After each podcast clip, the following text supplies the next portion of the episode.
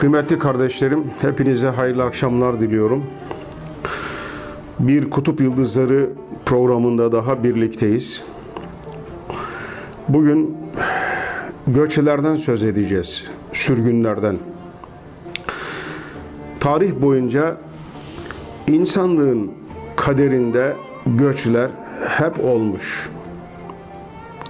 Diyeceksiniz ki neden böyle bir giriş yaptınız? Çünkü Hoca Efendi'nin e, aile hayatında da bu göçler hiç eksik olmamış da onun için. Ahlat'tan Erzurum'a, Erzurum'dan Sivas'a, tekrar Erzurum'a, tekrar Erzurum'dan Yozgat'a göçler Gülen ailesinin peşini hiç ama hiç bırakmamış. Ama e, bildiğiniz gibi tarihte göçlerin pek çok sebepleri vardır. Bazen savaşlar göçlere sebep olur. Bazen kuraklıklar göçlere sebep olur. Bazen yoksulluklar göçlere sebep olur. Bugün daha çok yaşana, yaşandığı gibi. Bazen insanların yaşadığı ülkede parya muamelesi görürler, zulüm görürler, işkence görürler. Bir orman yangınından kaçar gibi insanlar ülkelerinden kaçarlar. Tarihte iki kutsal büyük göçü hatırlıyoruz. Bunlardan birisi İsrailoğullarının Mısır'dan çıkışı, Kudüs yolculuğu. 600 bin insanla birlikte Hazreti Musa aleyhisselam Mısır'dan çıkıyor. Ama o çıkış İsrail oğullarına gerçekten tarihte çok önemli bir yer temin ediyor. Kölelikten, paryalıktan kurtuluyorlar. Bir devlet kuruyorlar. Hele Hazreti Süleyman zamanında bu bu devlet gerçekten muhteşem bir hal alıyor. Ve boşuna değil Sultan Süleyman diyorlar yani. Tarihte eşi benzeri olmayan bir devlete, bir mülke sahip oluyorlar. Bugün Yahudilerin yani Musevilerin ağlama duvarındaki gözyaşları o ihtişamlı günlere olan özlemden başka bir şey değildir. Bir de Peygamberimiz sallallahu aleyhi ve sellem Efendimizin hicreti var, göçü var biliyorsunuz. O da Mekke'den Medine'ye olan göç, hicret. E onun sonuçlarını da bugün hala görebiliyoruz. Eğer o hicret olmasaydı, Medine site devletiyle başlayan o İslam devletinin ön sözü olmasaydı, bugün herhalde bizler de olmayacaktık. Merkezden muhite doğru o gidiş, o göç, o sürgün aslında aslında Medine'de harlandı, o ışık ihtişamlı bir hale geldi ve çok kısa bir zaman sonra da Sasani'nin, Bizans'ın kuleleri o ışıklarla aydınlanmaya başladı. Toynbee'nin dediği gibi yani tarihteki bütün medeniyetleri diyor göçebe milletler kurmuştur diyor ya. Evet hakikaten e, muhacir insanların, göçebe insanların kurdukları medeniyetler tarihte eşi benzeri görülmemiş medeniyetlerdir. Şimdi hakikaten bugün de gördüğümüz gibi Hoca Efendi'nin ailesi de sürekli sürgünler yaşamışlar. Bugün de aşağı yukarı Hoca Efendi 20 yılı aşkın bir zamandır kendi ülkesinde değil. Gülen soyadını taşıyan nice insanlar her biri bir yerde. Aileleriyle bile görüşemiyorlar, yakınlarıyla bile görüşemiyorlar. Gerçekten bir sürgün hayatı yaşıyor. Ama bu sürgün hayatı neredeyse o ailenin sanki kaderi olmuş. Ama o kader onlara da muhteşem bir ikbal hazırlamış aynı zamanda. Ve bugün bütün dünya insanlığının minnet duyduğu bir insan, bir aile haline gelmiş Gülen ailesi.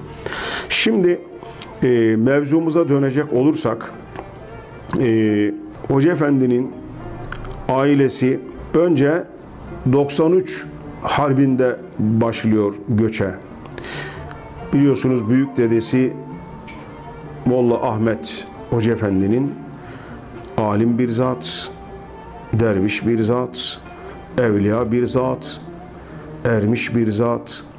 Hakikaten John Pahl'ın da tespitleri içerisinde yani geceleri istirahat edeceği zaman işte elini yanağına koyarak birkaç saat dinlenen bir insan. Ayağını uzatıp da neredeyse bir ömür boyu hiç yatmamış, hiç uyumamış bir insan.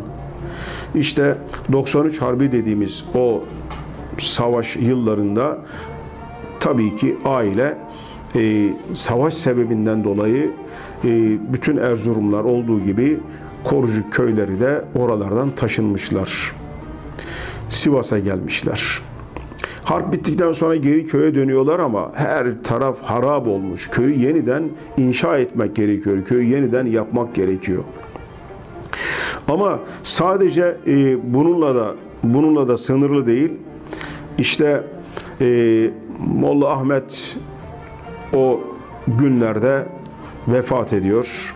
Aşağı yukarı 1890'lı yılları tekabül ediyor bu vefat.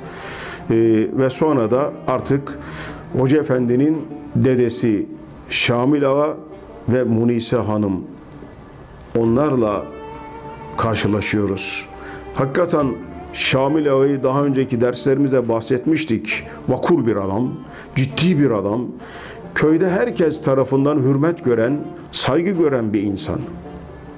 Aslında celadetli bir insan olmasına rağmen ama eve karşı, ev halkına karşı çok merhametli, çok şefkatli. Yani aslında o o çelik gibi bir yüreğin e, kafesin içerisinde ipek gibi bir yürek taşıyan bir insan e, Şamil Ağa. Şimdi Şamil Ağa ve Munise e, annemizin evliliklerinden evliliklerinden Ramiz, Rasim, Nureddin, Enver, Dürdane, Sefer ve Seyfullah adlarında yedi evlatları dünyaya geliyor. İşte 1905 yılında doğan Ramiz Hoca Efendi hocamızın babaları oluyor. Şimdi aile tam bugünlerde aslında yine bir göçe sahne oluyor. Bu defa da Yozgat taraflarına, bu defa da e, Birinci Cihan Harbi. Yine işte Ruslar Erzurum önlerine kadar geliyorlar biliyorsunuz. E, insanlar, e, kadınlar, çocuklar onlar oradan ayrılmak zorunda kalıyorlar. Bu defa da Yozgat taraflarına geliyorlar ve uzun bir süre aile orada kalıyor. Tabi ellerde avuçlarında hiçbir şey kalmıyor. Geri dönerken sadece bir kişinin binebileceği bir merkep e, yani aile yayan olarak geri Korucu'ya dönüyorlar. Tabi Korucu köyü yine e, yani 93 Harbi'nde olduğu gibi köyler, kasabalar, şehirler harabe haline gelmiş. Düşman her şeyi yakmış, yıkmış ve çekmiş gitmiş.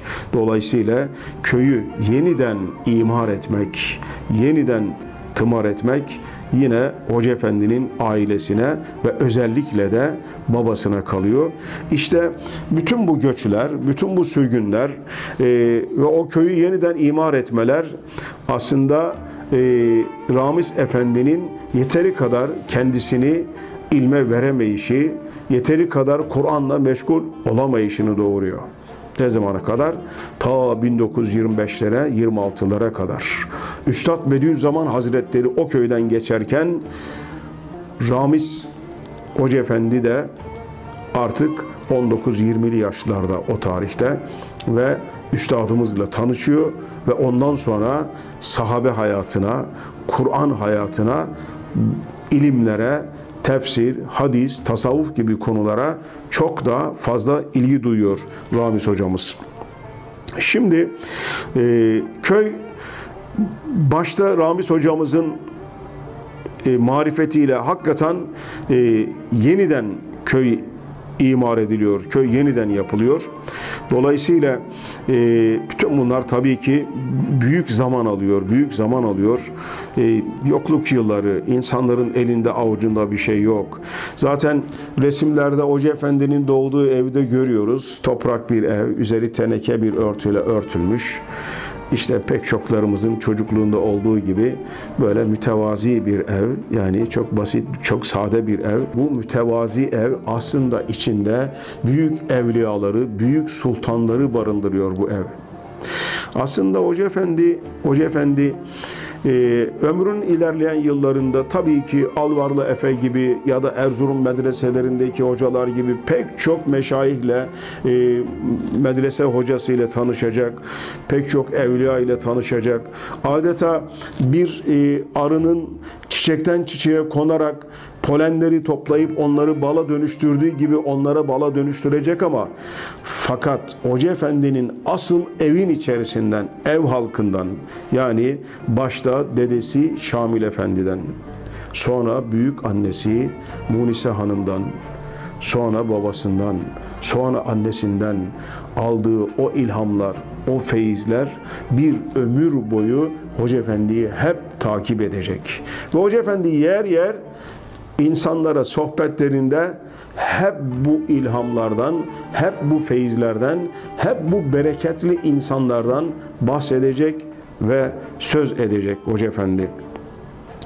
Şimdi e, Hoca Efendi mesela işte e, bu bu anlattıklarından birinde diyor ki Munisa Hanım yani büyük annem Allah deyince o kadar heyecanlanırdı ki 24 saat mübalağa etmiyorum diyor.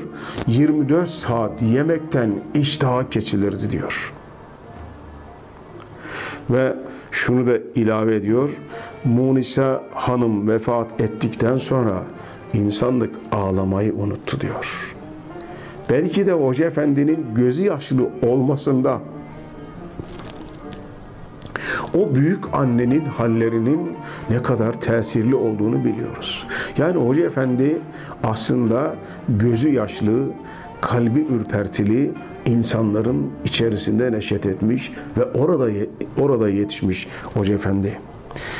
Şimdi o yıllarda da böyle insanlar bulmak gerçekten zor mu? Tabii ki zor. Yani e, o yıllar gerçekten yokluk yılları, o yıllar zorluk yılları, o yıllar savaş yılları, kıtlık yılları. Yani Anadolu insanının eğitimsiz yılları. İyi de bu gönüller, bu kalpler nasıl böyle ummanlar halinde çağlayabildi? Nereden aldılar bunları? Kimden aldılar bu kadar ilhamı, bu kadar feyzi, bu kadar bereketi? Gerçekten anlamak çok zor.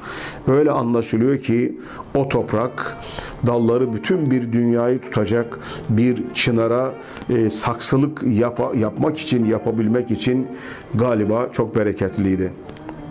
Hoca Efendi yine diyor ya bana Rabbimi o anlattı desem Munise Hanım için, büyük annesi için diyor bunu. Bana Rabbimi o anlattı desem sezadır diyor. Hatta bir hatırasında diyor ki e, amcamla diyor ara sıra e, neredeyse diyor kavga ederdik diyor. Amcam derdi ki o benim annem derdi. Ben de ona derdim ki hayır o benim annem derdim. Yani paylaşamazdık diyor yani. Büyük annemi paylaşamazdık diyor. Bu insanlar sadece manevi hayatları itibariyle bir abide şahsiyet ama onların sosyal hayatta da bambaşka özellikleri var, bambaşka ahlakları var. Mesela bu kadın evinde misafir olmadan neredeyse sofra kurmuyor. Her gün, her akşam mutlaka evlerinde bir misafir olacak. O yörenin e, seçkin insanları kimlerse daha çok onlar geliyorlar evlere ve o evde sürekli bir sohbeti canan yapılıyor. Sürekli. O insanların altına minder konuyor. O insanlara hürmet gö- gösteriliyor o evde. O insanlara ikram ediliyor. Yakın bir köyden olan Alvarıl Efe Hazretleri de o eve sık sık uğrayan insanlardan birisi. Kardeşi mesela Vehbi Efendi, ondan sonra işte Tayi şeyhlerinden Sırrı Efendi, Şahabettin Efendi ve köyün hocaları gibi pek çok insanlar Munise Hanım'ın hep misafirleri arasında. Şimdi e,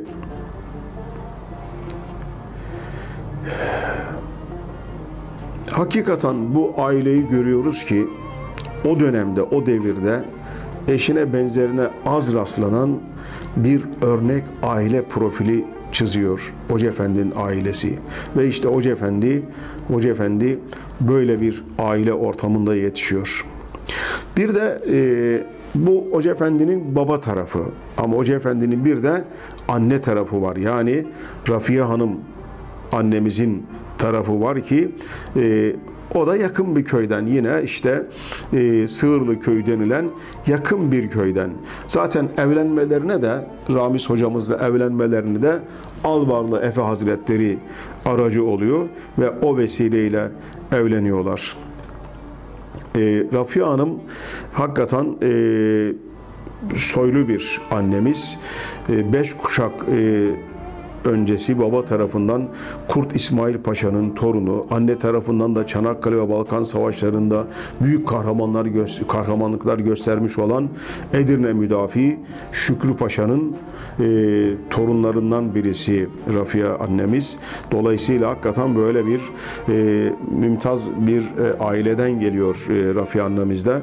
Sanki hem Ramiz hocamız hem Rafia annemiz e, özel olarak özel olarak yetiştirilmiş, özel olarak e, hakikaten bir cihana ışık saçacak bir insana dahilik olacak bir şekilde Cenab-ı Hak onları korumuş, muhafaza etmiş ve e, bir araya gelmişler. Aslında e, Hoca Efendi'nin e, dedesi e, Seyit Ahmet Efendi de e, o da çok Evliyaullah'tan bir insan, temiz huylu bir insan, güzel bir insan. Hatta hatta e, evlenmeyi bile düşünmüyor. Ömrünü hep e, Allah yolunda geçirmeyi, evrad eskarla geçirmeyi, ibadetle geçirmeyi, inzivada geçirmeyi düşünen bir adam. Fakat e, işte işte bu zat e, e, Ahmedi Tayi Hazretlerinin de e, işaretiyle hayır diyor. Senin evlenmen lazım diyor. Senin evlenmen lazım. Senin diyor evleneceksin ve senin neslinden salih bir evlat gelecek diyor. Salih bir evlat gelecek diyor. Dolayısıyla hakikaten e, Hoca Efendi'nin dede tarafı da anne tarafı da anne tarafı da hakikaten e, çok mübarek, çok bereketli bir aile. Muhterem Hoca Efendi e, bu dedesini anlatırken yani anne tarafından e, Seyit Ahmet dedesini anlatırken dedem diyor zahit bir insandı. Abid bir insandı sünnete neyse onu harfiyen yaşayan bir insandı dedem diyor.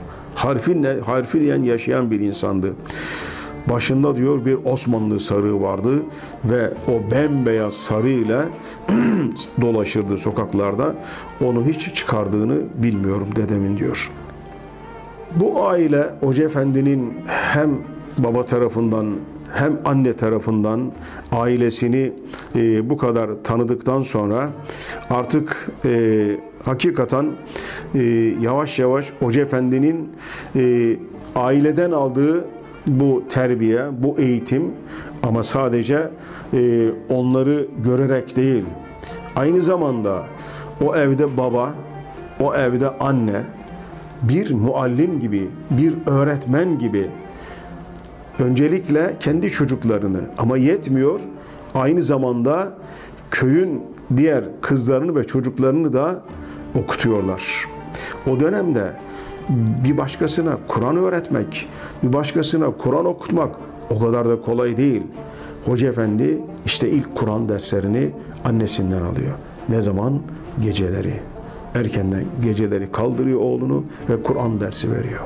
Gündüzleri de belli bir vakitte gizli gizli köyün kızlarına Kur'an dersi okutuyor.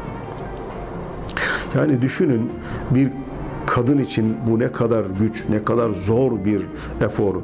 Ee, evin işleri, evin yemeği, aşı, sofrası, çamaşırı, misafiri, tarla işi, köyün kızların okutulması, evlatlarının Kur'an dersleri bunlar hiç de kolay şeyler değil biliyorsunuz. Ama işte o annemizde nasıl bir gayret varsa, nasıl bir ışık varsa, nasıl bir heyecan varsa, e bir de bütün bunlara hastalıklar da eklenince o annemizin o hakikaten yüce gayretini ve o mübarek çalışmalarını e, takdir etmemek mümkün değil. Allah e, kabrinde ona e, aydınlıklar lütfetsin, rahmetler lütfetsin. Öğretmiş olduğu Kur'an'ın bereketiyle onu bereketlendirsin, kabrini aydınlatsın inşallah. E, bugünlük de bu kadar. E, önümüzdeki sohbette Hoca Efendi'nin eğitim hayatı üzerinde durmaya çalışacağız. Hepinize hayırlı akşamlar diliyorum.